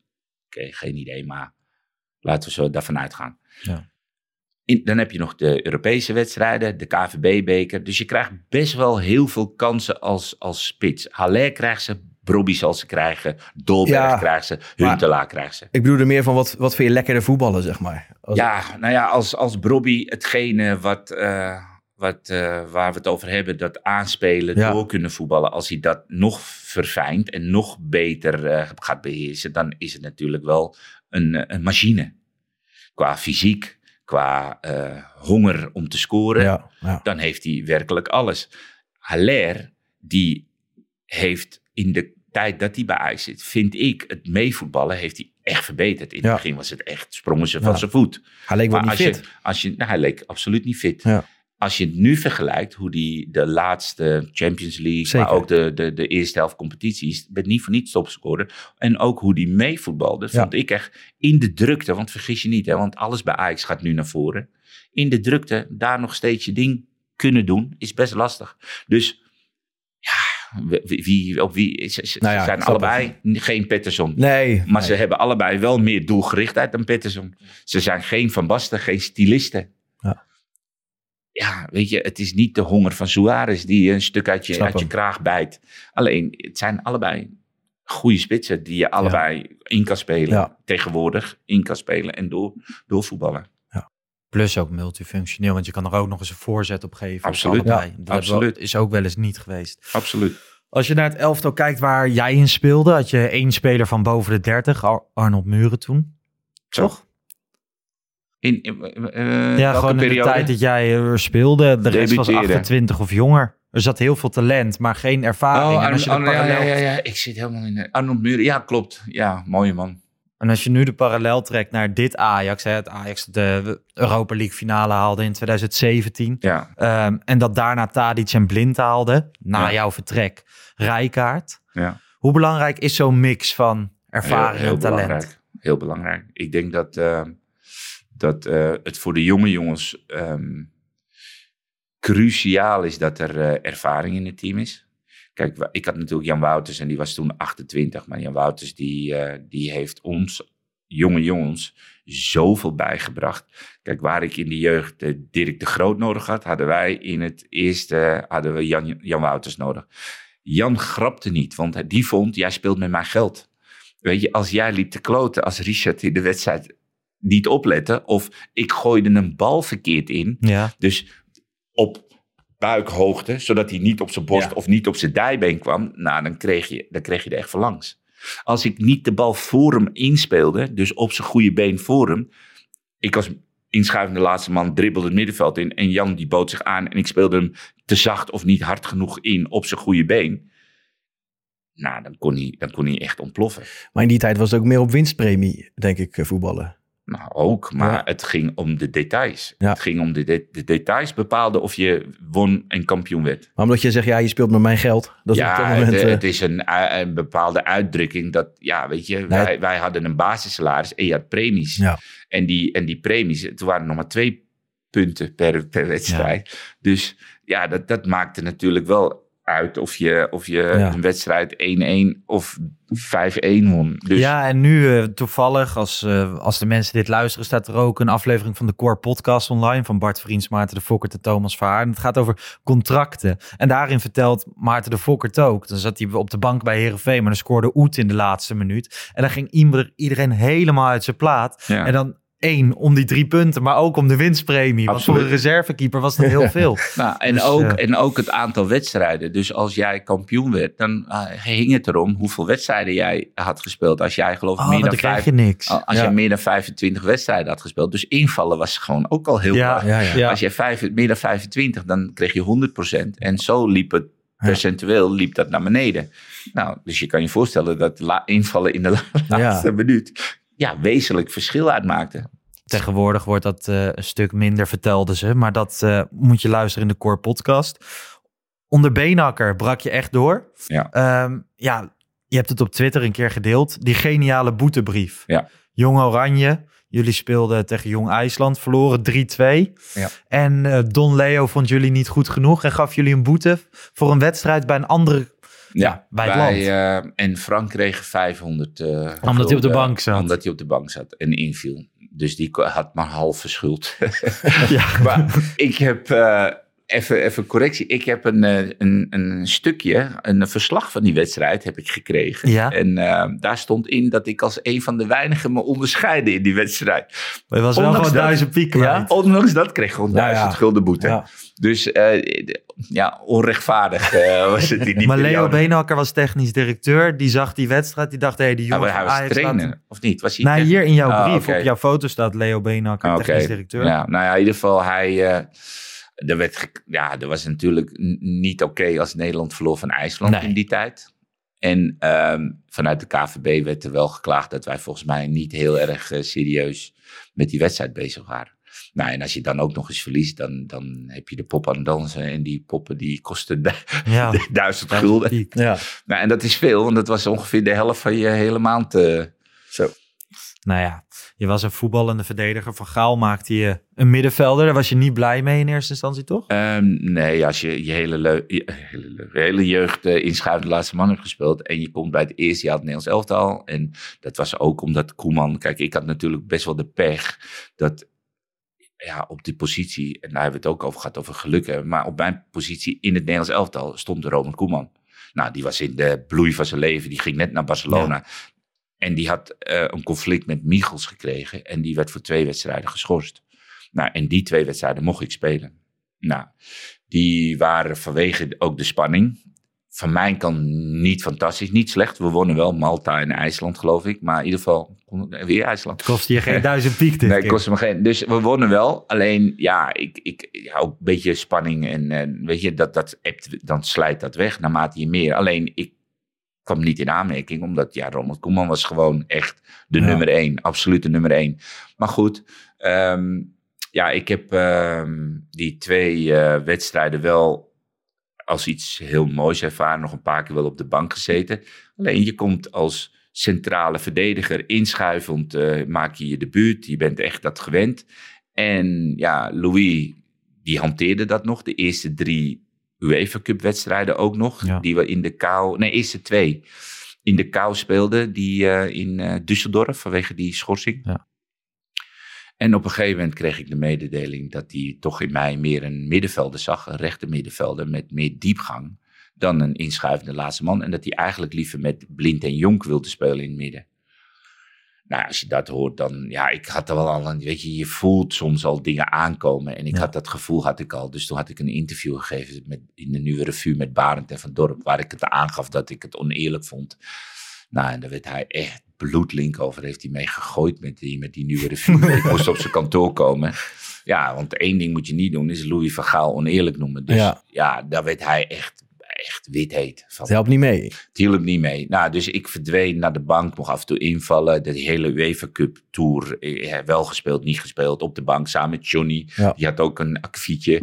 Dus wij, er is nog één legendarische foto zie ik van de Jar, Johnny van het Schip, um, Alfons Groenendijk zit op de bank. Ja. Johnny helemaal in de vaseline. Want het was echt heel erg koud in uh, Düsseldorf. Maar ja, um, uiteindelijk heeft hij wel gelijk gehad. Want Aaron, die, want hij zei je moet geduld hebben. Aaron, ja, die speelt nu rechtshalf. En Aaron die ging dus naar Lazio en die plek kwam vrij. En ja, ik kan niet anders zeggen. Hij heeft, had het echt goed gezien. Ik, ik voelde me als een vis in het water. Ik kwam in de 16 van de tegenstander meer. Ik scoorde 13 goals als middenvelder. En uh, ik heb mijn beste seizoen ooit gehad. Een Onder, irritant uh, goede zet, heb je wel eens gezegd, toch? Ja, een hele irritant goede zet. Had hij weer irritant goed gezien ook. maar is, is dat 19, 92, 93 denk ik dan? Het jaar na de Uh, UEFA Cup? Ja, ja. Denk ik, ja. ja klopt. Want het jaar daarna ben je dan naar, vertrokken, naar. Genoa gegaan. Ja. Ja, dat had te maken met de aanbieding die er eh, van Ajax kwam. En dat was, eh, ja, dat was gewoon lachwekkend. ja, ja. In vergelijking met wat eh, toen 17-jarige spelers toen al kregen, omdat Ajax een beetje in paniek was. Was deze aanbieding was gewoon van, van, door Van. Os was Ja. echt wel echt een belachelijke aanbieding. Oké. En John van Schip, die zat al bij Genoa het seizoen na de... Ja, Die is gelijk weggegaan. oké, ja. Dus Johnny ging weg, of eh, eh, Aaron ging weg naar Lazio en Johnny Ja. ging naar Genua. Ja, ja, ja. En toen kwamen we eigenlijk daar weer bij elkaar. Het zijn mindere plekken om te gaan voetballen. Ach, Serie A was echt fantastisch. En, en we hadden een team met La, eh, Lajos Detari, Thomas Couravi, Dan Petrescu, Johnny en ik. Nou, Volgens mij ben je, heb je ook een keer iets in de Low Stadio podcast over die tijd bij Genoa verteld, Ja, toch? Klopt. Ja, die aflevering heb je zitten luisteren. fenomenaal, fenomenaal mooi. Wij hebben, wij hebben wedstrijden gespeeld die we thuis moesten winnen. Weet je, dat, we, dat je echt dacht, tegen Cremonese, kom op man, moeten we winnen. En die eindigde in 1-1 en miste ik nog een kans. Ehm, lastig, maar ik had hem kunnen scoren. En de supporters die waren gewoon buiten aan het opwachten. En je, je denkt echt niet dat je het stadion buiten... eh, want toevallig hoorde ik, ehm, hoe heet die keeper? Noppert. Noppert Van hoorde de ik. eh. Nou, luister, echt, ik kan je eerlijk vertellen, je komt echt het stadion uit. Ik wist dat niet. Dus ik dacht, Zal wel het, loslopen. Het wel. lukt mij Ja. wel. Nou, hadden, wij hadden er eentje van de Digos. Digos, dat is de, ehm, eigenlijk de drugs ehm, Ja. ehm, ja, commando in Italië. En wij hadden er eentje bij ons die ons altijd beschermt. Ging in de bus mee. Voor mij heette die Victorio. Maar in ieder geval, die, die ging met mij. Hij zegt, wacht, ik loop met je mee. Dus wij lopen. En Bizar, bij, bij Genua moet je dus eh, een helling op. Waar de bus normaal naar beneden. Moet je helling op. Dan kom je even op de straatniveau. En dan ga je naar rechts. En dan kan je weer naar beneden. En dan kom je waar de auto's geparkeerd zijn van de spelers. Ik denk, nou, dat doe ik. Dus ik loop zo omhoog. Hij naast me. Hij hield me echt wel een beetje tegen. Ik denk, laat los man. Dus hij loopt mee en we komen buiten en er staan gewoon, denk ik, 15 tot 20 Nou, er stonden denk ik 200, maar 15 tot 20 die waren echt agressief. Ja. En die sloten half ons in. En eentje die, eh, ze begonnen te schreeuwen. En eentje die wil een schop geven. Ja, echt gewoon een schop. En hij trok mij gelukkig net op tijd weg. Hij zegt, kom, we gaan terug. En toen kwam ik dus eigenlijk weer in de, in de, in de gang van de kleedkamer... waar al die spelers aan het wachten waren. Die wisten het al, dus die hadden echt zo'n... Die moesten lachen. Ja, die moesten lachen. Maar eh, ja, toen heb ik dus een, een tunnel gezien dat ik niet eens wist die er bestond. Dus in het stadion van Genua is, loopt er een tunnel onder de middenlijn. route. Escape route. Ja, echt, serieus. Onder de middenlijn loopt er een tunnel, echt zo smal als dat een persoon. En we liepen achter elkaar zo de tunnel. En aan de andere kant stonden van die kleine busjes. Zijn we ingestapt naar een tolhuisje. En daar eh, stonden dan de auto's eh, klaar. En dan kon je naar huis. Heel bijzonder. De volgende dag moest je trainen en dan stonden ze er weer. Weet je, Ja. dan kwam je bij het eh, ding en, nou, en dan was het tegen auto's aan schoppen. En omdat je gelijk speelde tegen Cremonese thuis. Ja, en je denkt dus dat dat verhalen, dat, tenminste dat denk ik altijd, dat zijn verhalen van vroeger. Maar inderdaad, die Noppert van die Eagles, Ja. die vertelde, die zat in de serie B of serie C zelfs. En die, die zijn auto was gejat door de mafiosi. Ja. Dan mocht hij hem terugkopen, maar dan was die auto gestript. Interviewtje staat eh, op de social media kanalen van Ja. ESPN. Zeker even kijken. Het mooiste aan het hele interviewtje is dat hij aan het einde zegt, mooi man. Ja, mooi man. Maar, het is Maar zo ook- vertel jij het ook, Het is mooi. ook mooi man. Weet je, het, dat zijn dingen die je gewoon nooit en nooit meer vergeet. En, en ehm, wij kunnen ons dat niet voorste- voorstellen dat... Ja, in, nou misschien wel hoor, maar dat in Italië heb je gewoon heel veel tifosi, de supporters, die gewoon hun hele maandsalaris besteden aan een club. Ja. En dan komt er een of andere buitenlander uit Nederland of Ja. uit Hongarije, die misschien in hun ogen niet alles gegeven heeft. Ja. Ja, dat gevoel kan ik me wel voorstellen. Ja, nou, dat kan je je wel voorstellen, maar het kost afreist. niet, waarschijnlijk niet je hele maand salaris. Nee, nee, dat, ik kan nog net eten. Precies. maar- Dus, en, en die gasten die leven voor één ding. ja, En al 40 jaar. En, Ja. dan, en dan staan ze hier buiten op terug van, ja, wat de fuck doe jij? ja. Maar nou, nou had ik laatst eh, een, een, een eh, gesprek met een prominent eh, supporter bij Ajax. En die vertelde dat hij wel eens in gesprek met spelers was. En dat hij, ja, volgens mij was dat Zeefuik. En die vertelde hem dat hij dacht dat Ajax de reis naar het buitenland betaalde voor de supporters. En toen dacht ik wel, ja, eh, veel spelers staan ook wel ver van supporters af wat dat betreft. Nou, Dat, ja, maar goed, dat is even een zijlijntje. heel raar. Ja, ik vind dat ook een rare afslag die hij daar had genomen. Ja. Ehm, we hadden het over de invloed van Van Gaal op jouw carrière. Ja. Ja, ik ben dan wel benieuwd. Van Ten Hag, kan die dan ook zo'n rol spelen bij eh Iataren? Snap je? Ja, ik snap heel goed wat je wil. Maar, ehm, dus Van Gaal, Ja, Van Gaal deed bij carrière, jou- echt, nee, maar- Ja. die Want vergelijking snap maar goed. Nee, maar hoe groot is de invloed van een Ja, trainer op een snap- ik snap- carrière? Ik snap wel wat je bedoelt. Ehm, oeh. groot, voor zover de trainer ehm, in die uren die hij heeft bij de club Ja. ehm, zo duidelijk kan zijn en zo de grens aan kan geven dat die grens ook doorloopt in het sociale leven. Ja. Snap je een klein beetje ik bedoel? Ja. Dus met andere woorden, neem jij, neem jij je, laten we zeggen, als er aangebeld wordt, doe jij na tien uur s'avonds nog open? Of elf uur komen je vrienden binnen? Doe jij dan nog open en laat je ze binnen, doen. gezellig? Of zeg even, Ja. whatever, vandaag niet. Eh, eten, eh, relatie, eh, zaakwaarnemer, social media. Hoeveel invloed heeft dat op die speler? En hoe ver kan een coach of de groep jou daarin betrekken dat je dat allemaal kan uitsluiten? Ja. Nou, en ik weet niet hoe ver hij mm, daarin is, hoe ver hij ehm, zijn omgeving eh, kan uitsluiten op bepaald gebied. Hè? Ik bedoel, je omgeving heb je altijd nodig. Maar hoeveel invloed zal dat hebben in zijn proces? En hoe positief kan hij zijn in jong Ajax? Hoe geduldig kan hij zijn? Hoe lang kan hij zichzelf geven? Of hoe lang geeft Ajax hem om weer zichzelf te worden? Ehm, hoe gaat het zijn als er geen plek blijkt te zijn? Want da- da- daar hebben we het nog niet eens over gehad. Maar Ja. wij hadden het er al over. Bergwijn die zou komen van Axel Dongen, die misschien weer een stap terug moet doen. Ja. Maar waar gaat Bergwijn spelen? Als je Anthony, Berghuis, Haller, Tadic, Ja. hebt. En voor Iatare hetzelfde. Ja. Minuten maken, misschien wel als het ooit zover komt, prima. Maar de ega's die hij bijvoorbeeld bij PSV had, die zullen anders zijn, denk ik. Ja. En hoe mentaal gaat hij daarmee om? Snap je? En dat is, dat is mijn vraag. Mijn vraag is hoe geduldig, hoe eh, lang kan hij eh, blijven werken aan zijn eh, ja, best wel strikte regime? Want je moet nu heel strikt zijn. Ja, zo lang niet Ajax. voetballen, zo mentaal eigenlijk jezelf verliezen en zo ja, bepaalde interviews omarmen. Ik zie hem nog bij Schmid omarmen. Ik zie hem een Mhm. interview van Kieft fantastisch vinden. Ja. Dat hij met, weer op het veld met Vaneburg staat. Fantastisch. Bij Ajax kans. Ik ga de graszoden eruit lopen, heb ik gelezen. Fantastisch. Alleen de eerste tegenslag. Hoe ga je daarmee om? Ja. En hoe houdt Ajax hem ehm, positief? Of geduldig? Of hongerig? En, nou ja, en, en- hij is en- ook een goed voorbeeld. We hebben het over vangnetten gehad. Ja. Ik bedoel, voor hem zijn er natuurlijk heel veel vangnetten geweest. Maar op een gegeven moment van... Bij Voetbal International hadden ze een mooie discussie. Stef de Bond met Freek Jansen en Marco Timmer. Van ja, het volgende vangnet is nog FC Utrecht. En dan is er weer een vangnet. Maar hopelijk grijpt hij een keer de kans. Ja, ik, ik, ik hoop echt serieus dat we allemaal weer kunnen genieten. eh, heel Nederland kan Ik denk genieten elke van het talent van Iatare. Ja. Ondanks dat het maar in een hele korte periode is geweest. Hè? Want eh, ja, anderhalf seizoen van Bommel volgens mij. Maar Ajax was ook in de jeugdjaren Ja, al... ze kennen hem natuurlijk Ja. al jaren, Las. Ja. Ja.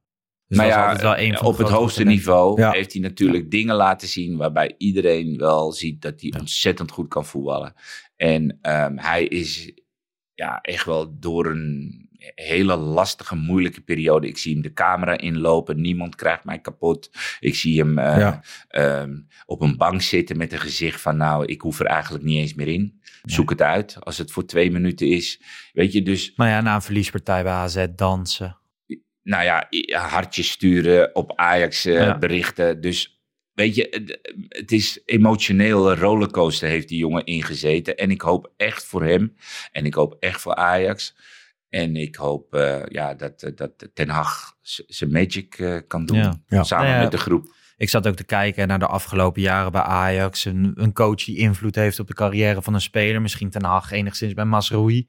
Die heel lang in de jeugd eh, niet per se vooraan stond. Bos en Ziyech,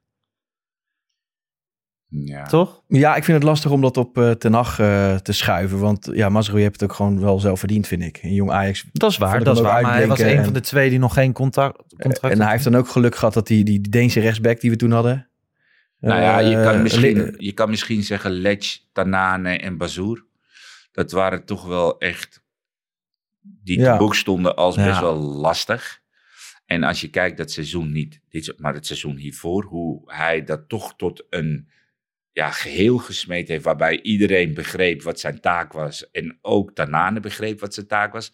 En Tanane prachtige wedstrijden afwisselde met momenten Ja. dat je dacht, oké, nu is het wel handig als je even iets simpeler hij eh, verliefd het af, af en toe nog steeds wel eens ja, nu maar hij heeft één seizoen heeft hij ze echt Ja. wel in het gareel gekregen. En daar had heel veel trainers wilden zich en clubs wilden zich daar niet aan branden. En als ik nu kijk naar Bazoer, hoe Ja. eh, volwassen hij oogt, dat vind ik knap. Hartstikke goede voetballer. Dat vind ik Ja. knap. En, en eh, heel goede voetballer. Ja. En, en dat Tanane dan alsnog Ja. ontspoort of alsnog zijn eh, eigen plan trekt. Ja, weet je, dan, dan moet je daar ook afscheid van nemen. En dat heeft hij ook netjes, denk ik, zo gedaan. Ja.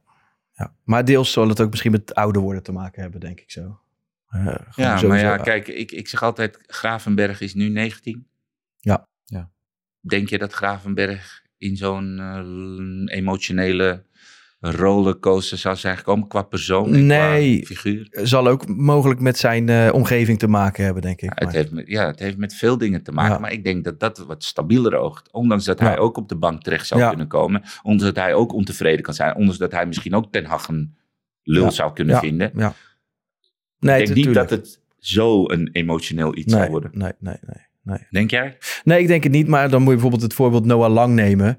Eh, Die geeft dan weer interviews in België. Dat ik denk, ja, je bent echt alles behalve stabiel op het moment. Ja, maar dat is, En, toch, juist, dat is eh, toch juist mooi. En Noah Lang Ja, laat ik de vind het niet kwetsbaarheid zien en laat zien dat hij... Ja, maar ik vind dat Nee, altijd wel ik- heel ik kan er helemaal niks mee, want- daar, Ik vind dat een stukje eerlijkheid. En ik vind dat juist als, als kijker mooi om te zien. Maar wat vind je dan mooi aan dat bijvoorbeeld... Hij helpt moet, dan, een- hij moet dan naar het publiek zo nou, doen. ik denk wel dat het hem helpt dat hij vertelt dat hij mentale hulp heeft. Oké, dat is ja, anders. Dat is dat anders. is Maar dat interview langs de zijlijn, dat hij altijd al goed speelt. Nee, of dat er een niet. prijs wordt uitgereikt aan iemand dat hij zegt iedereen Ja, weet bijvoorbeeld. wie- Dat ik de dat, beste ik de beste. Maar dat is ook een beetje zijn image. En Ja. ik weet niet of Nou, dat goed is, maar hij ik dat vind dat niet per se snap je?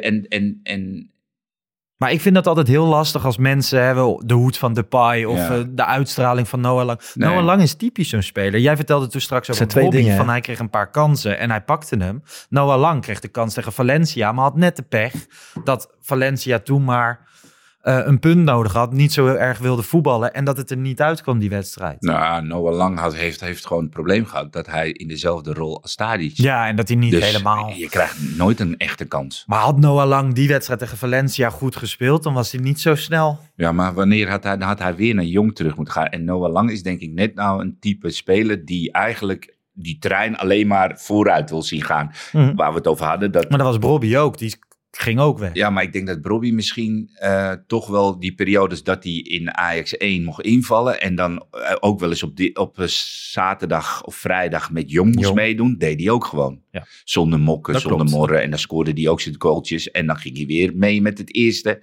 Dus ehm, je, je moet het ook in je hebben om dat te kunnen inzien. Dat sommige dingen handig zijn en sommige dingen niet zo heel handig zijn. Ja. En nou ja, sommige uitlatingen van Noah Lang, en ik snap heel goed wat jij zegt, hè, iedereen moet wel zijn, zijn eh, eerlijkheid kunnen behouden.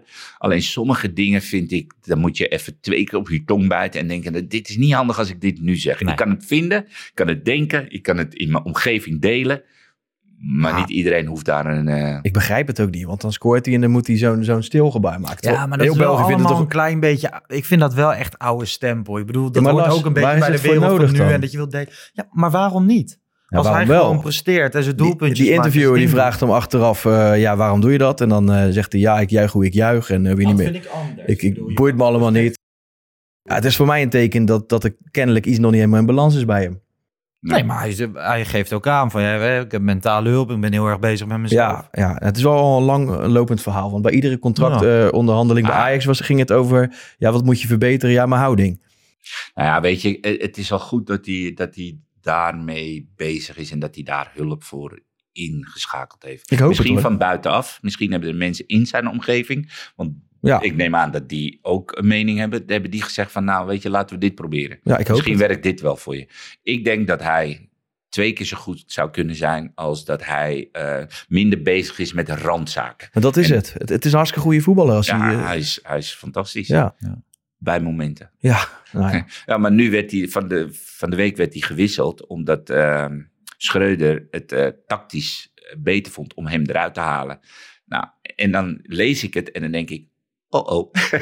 ja, dat, dat is mijn eerste. zijn de volgende nee, maar dag. dat is mijn eerste Ja. gedachte. ja. Dan denk ik, oh oh. En dat is wel iets wat ik meegenomen heb uit wat hij allemaal eh, heeft ja laten precies, zien. precies. Nou ja, alles heeft dus te maken met keuzes en je omgeving, et cetera. Nou ja, nogmaals, jij hebt aan eh, zoon Vink gevraagd, wat moeten we papa vragen? Dus ehm, hij zei ook van, ja, als jij nou kijkt naar de keuzes in je carrière, wat had je graag anders willen doen en waar ben je achteraf heel blij mee? Ehm, nou, ik, ik ben wel heel erg van, van mening dat dingen lopen zoals ze moeten lopen. En, en je krijgt wat je, wat, je, wat je toekomt.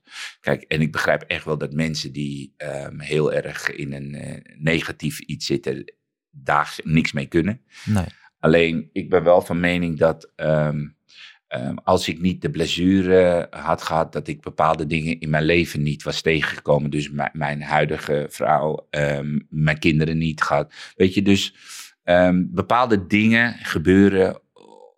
Ja, het klinkt Ja, een beetje zweverig, maar bepaalde dingen gebeuren gewoon omdat moet het moet gebeuren. Ja. Nou, en ik heb nergens spijt van. Ik heb ook echt nergens een gevoel van daar heb ik het laten liggen of daar is mijn keuze niet goed geweest. Anders had ik nu niet hier gezeten waar ik nu zit. En ehm, ik vind wel dat wat er je overkomt of wat er met je gebeurt, daar kan jij eh, links of rechtsaf, heb ik altijd het idee. Je kan eh, neg- negatief denken, je Ja. kan er blijven zitten. Nou, mijn knie wordt in, eh, in tweeën geschopt, de kruisband wordt verkeerd geopereerd. Ik moet nog een kruisbandoperatie. Ik ben 2,5 jaar uit het voetbal. Ik kan nee zeggen tegen Ajax Cape Town. Ik kan eh, in, verzwelgen in, in, Ja. in, in medelijden met mezelf. Alleen, ik ga naar Cape Town en daar bleek dus dat mijn knie gewoon te veel eh, nodig heeft om iedere keer weer een prestatie te kunnen leveren. Nou, dan kan ik door, eh, eh, eh, ik kan terugkomen, ik kan nog doorstudderen en ik kan nog proberen bij een hoog, ja, een amateurclub of eh, onderkant eer- eerste divisie, misschien nog iets anders. Nou, lang verhaal kort te maken. Ik heb beslissingen genomen. Ik ben soms linksaf gegaan en soms rechtsaf gegaan. En dat heeft me gebracht waar ik nu zit. Ja. Is dat een, een levensles of heb je echt wel... Luis Figo was het geloof ik, hè, die Ja. de tackle inzette. Ja. Die heb je wel gehaat op dat moment mogelijk. Eh, nee, nee, ik zal je eerlijk vertellen, dat moment eh, kon hij niks aan doen. Ik, Nee. ik- het is wel omdat je moet vertellen hoe het gebeurd is, dat je zijn naam noemt. Maar hij ging voor de bal, ik Ja. ging voor de bal. Ja. Het was een, een eh, loose bal. Het was een, eh, bal die, die op een gegeven moment uit een duel. Ja. En we gingen allebei en hij maakt sliding en hij komt aan de zijkant erin. Dus hij kon er niks aan doen. Dus ik, ik heb nooit Geen iemand niet hoeven te haten. Het enige is dat ik, ja, soms denk je wel eens van, ja, waar zou het... Hoe had het gelopen? Maar ja, dat is dus rechtsaf gegaan. En ik ben linksaf gegaan. En ik denk dat ik zielsgelukkig ben. Mooi. Met mijn links, rechts, links, links. Mooi hoor. Ja, en en ik, doe, ik doe hetgeen wat ik het, wat ik het leukste vind. Ja. Op dit moment. Fijn. Zeker. Ja. En ook vroeger, want je was onderdeel van de patatgeneratie. Ook Zo dat. noemde Beenhakker het. Ook Dat dat. is wel mooi hè, als je nu zo'n... eh, jij deelde afgelopen week die foto op Twitter, toch? Nou, ik zag hem voorbij komen. Toen dacht ik inderdaad, ik, ja, ik vind dat leuk. Dat is een En de beetje... en ik had de grillburger. Ja, Ja. ja. Geel Beste keuze. Ja, Ronald, zijn eh, ex-schoonvader, die had een aantal Febo's. En ehm, nou ja, het verhaal natuurlijk van de patatgeneratie, Ja. ge- dat kwam natuurlijk voort uit geld. En dat kwam voort uit, nou ja, een beetje afgunst, een beetje eh, irritatie van oud naar jong. En er waren bij jong maar twee spelers die meer verdienden hoor. De rest was gewoon echt, wat ik al zeg, ik, eh, bij de McDonald's konden we amper een eh, Happy Meal halen. Maar goed, er waren twee jongens die gewoon meer verdienden. En dat leverde gewoon wrijving. Ja. Ajax kon er niks aan doen. Eh, die spelers konden er niks aan doen. Ehm, de ouderen die hadden eigenlijk ja, ook moeten denken. Konden, maar ja, wat ik al zei, je speelt voor je speelt Ja. met geld. Je speelt met, en als je dan ook nog een houding hebt van... Weet je, het, het, het komt allemaal aanwaaien. Dat, dat zette een beetje kwaad bloed. Ja. En nou ja, dan kreeg je dus dat er ehm, ja, gewoon een soort wrijving ontstond op sommige momenten. Want we waren wel echt één homogene groep. Alleen er ontstond een beetje wrijving als het op, op dit soort dingen aankwam. En dat we dan een wedstrijd niet wonnen. Ja, dat deed pijn. Dus Benakker die gaf er een naam aan. Dat wij eh, ja, de pat- patatgeneratie waren. En, en ehm, daar werd dan wel iedereen meegenomen die jong was. Ja. Alleen als we heel eerlijk, heel sec naar kijken, was het eigenlijk Richard en Braai. Die, die daarmee bedoeld werden. Ja, ja. En, en de rest, ja, die hobbelde in mee. En ja, dat uitte zich een keer in een, eh, in, een, in een bijeenkomst en een gesprek waarbij Richard echt werd, eh, werd aangevallen. En dat was, dat was gewoon niet, dat was niet oké, weet je. En ehm, die kreeg ook echt de schuld ervan. En dat was volgens mij ook de periode, voor mij ging hij naar Barcelona toen. Dacht Ja, ik. ja. Dus ehm, ja, het was, eh, het was allemaal eh, niet, niet best, die hele patatgeneratie. Nee, maar nu Shit. achteraf is het Nu wel leuk achteraf, nu foto. achteraf is het zeker, eh, ehm, ja, het is een begrip, volgens mij zelfs. Ja. Staat het in de, of niet? Wat? In de dikke vandalen, patatgeneratie? Oeh, dat ga ik nu opzoeken. Ongetwijfeld als er nog tijd voor is. Want... Ik, ik heb geen idee, is, er- anders moet het er echt Nou ja, komen. eh, voor ons, wij hebben wel tijd zat, maar ik, ik weet niet hoe jouw programma eruit ziet. Nou ja, eh. ik weet niet hoe lang de... Ja, het staat er zeker in. Ja. Nee, ja, weet je, zo'n eh, er generatie waaraan gemakzucht, een gebrek aan doorzettingsvermogen, et cetera, wordt toegeschreven. Nou, Nou, dat Mooi zeg. Nou, dat staat er zijn gewoon jullie. in. Ja, dat zijn wij. Nou ja, voor iemand met eh, veel gemakzucht en geen doorzettingsvermogen heb je het toch best ver getrapt. Absoluut, Geschopt. absoluut. Ja. Ik wil eigenlijk nog, nog eh, één actuele vraag stellen. Ja. Ehm, zondag, Ajax Heracles. Waarschijnlijk geen Alvarez. Hoe zou jij het opvangen? Ehm, Ik kan me Ja, herinneren de discussie over de- Blind met, eh met de ja, bij nee, Fortuna. ja, ik, ik, ja, ik ben een Nico, Nico Ja. Ik vind, eh, Dus dan gaat Ja. blind naar het middenveld. Ik zou blind naar het middenveld. En als je echt, eh, weet je, als je gek wil doen, laat je gewoon lekker telen spelen. Ja. Kan ook. Moet kunnen, zeg maar. Maar ik, ik, het meest reële lijkt mij dat hij met Gravenberg op 6 gaat spelen. En dan Klaassen en, en, en Berghuis als diepste. Nou, dat, dat, heb Maar- ik ook, dat heb ik ook gezegd. Ik denk dat Klaas gaat spelen. En Ja. dat, eh, alleen, ik denk na deze hele transferperiode waarin Tagliafico... Ja. Kijk, en dat is weer... Dat, een beetje dat, belonen eigenlijk. belonen. En Ja. dat is weer een beetje, ik geef een beetje, ik vraag heel veel, ik geef een beetje, weet je. Dus dat, ehm, ik denk dat misschien Blind naar het middenveld gaat. Ja. En dat Tagliafico als zijnde van, we zijn echt niet, Boos op je, nee, we zijn eh, niet tegenwerkend of Nee, precies. Zoiets, weet Ik je. hoop het, eerlijk gezegd. Want ik Nou, vind ik Blind vind- als 6 nog steeds... eh, Ik vind blind op 6 ook. En helemaal in de Nederlandse competitie vind Ja. ik altijd dat je het voetballende, de voetballende kwaliteit van blind veel meer naar voren moet Ja. gebruiken. Nu is hij eigenlijk linksback, zijlijn. Zijn, zijn spel is eigenlijk 90 graden. Ja. Terwijl het moet eigenlijk 180 graden zijn.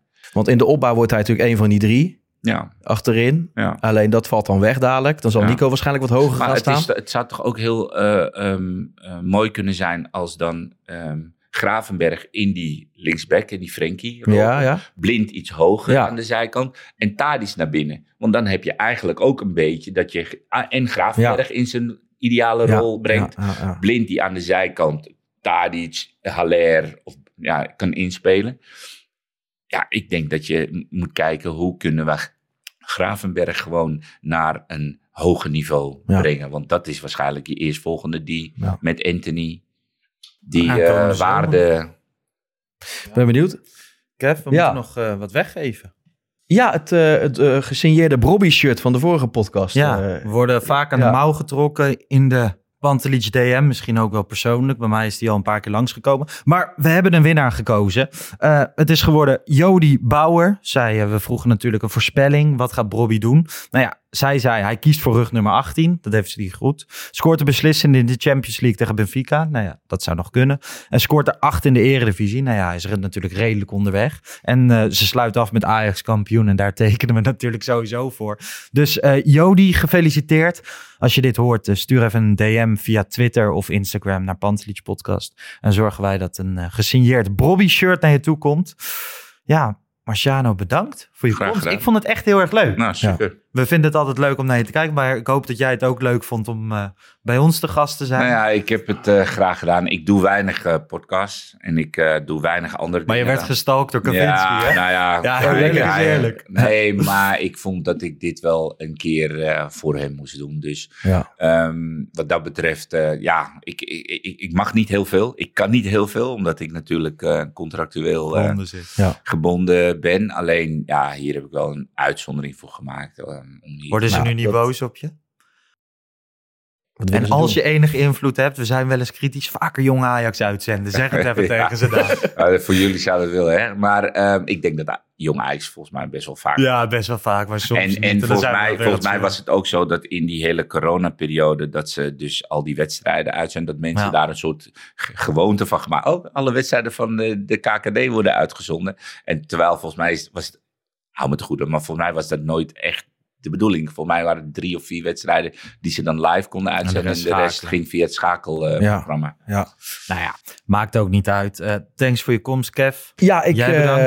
eh, ik- enorm bedankt. En Graag eh, je ziet, je, ziet- je gooit er een bakje hele slechte koffie in en eh, je kan aan zijn lip hangen. Dus, eh, Precies. ja. Ja, het nog niet helemaal open. Nee, dat begrijp ik.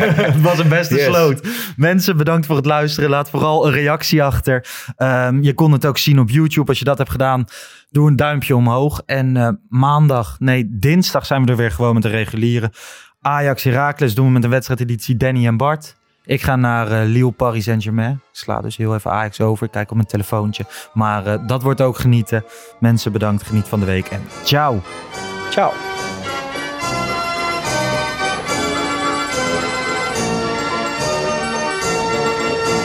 Let's go Ajax.